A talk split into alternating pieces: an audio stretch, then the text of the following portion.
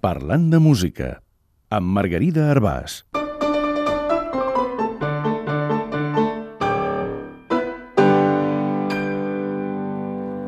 El bemoll. El bemoll és un signe en forma de lletra B que en una partitura indica que la nota afectada és un semitò més baixa que en l'estat natural, tret que tingui un becaire al davant, que anula l'alteració. Sabeu d'on venen les paraules bemoll i becaire? En la notació medieval, el si natural s'indicava amb una lletra B de formes anguloses, dures. En deien B quadratum o B durum, D'aquí ve el becaire, que és una B amb caires tallants.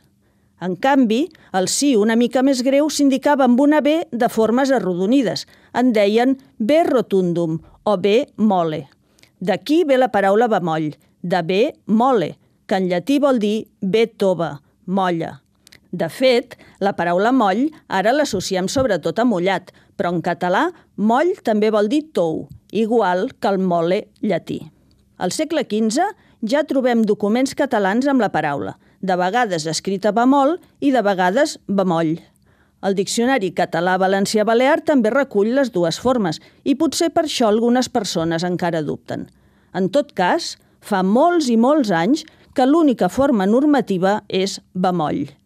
Penseu que ja el 1898, fa més de 120 anys, Pompeu Fabra, a la contribució a la gramàtica de la llengua catalana, ja hi recollia bemoll com a única opció i també apareix així a les seves fitxes manuscrites.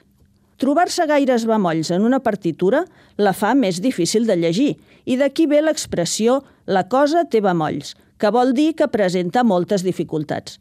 Però en l'aspecte lingüístic no podem dir pas que la paraula bemoll tingui gaires complicacions.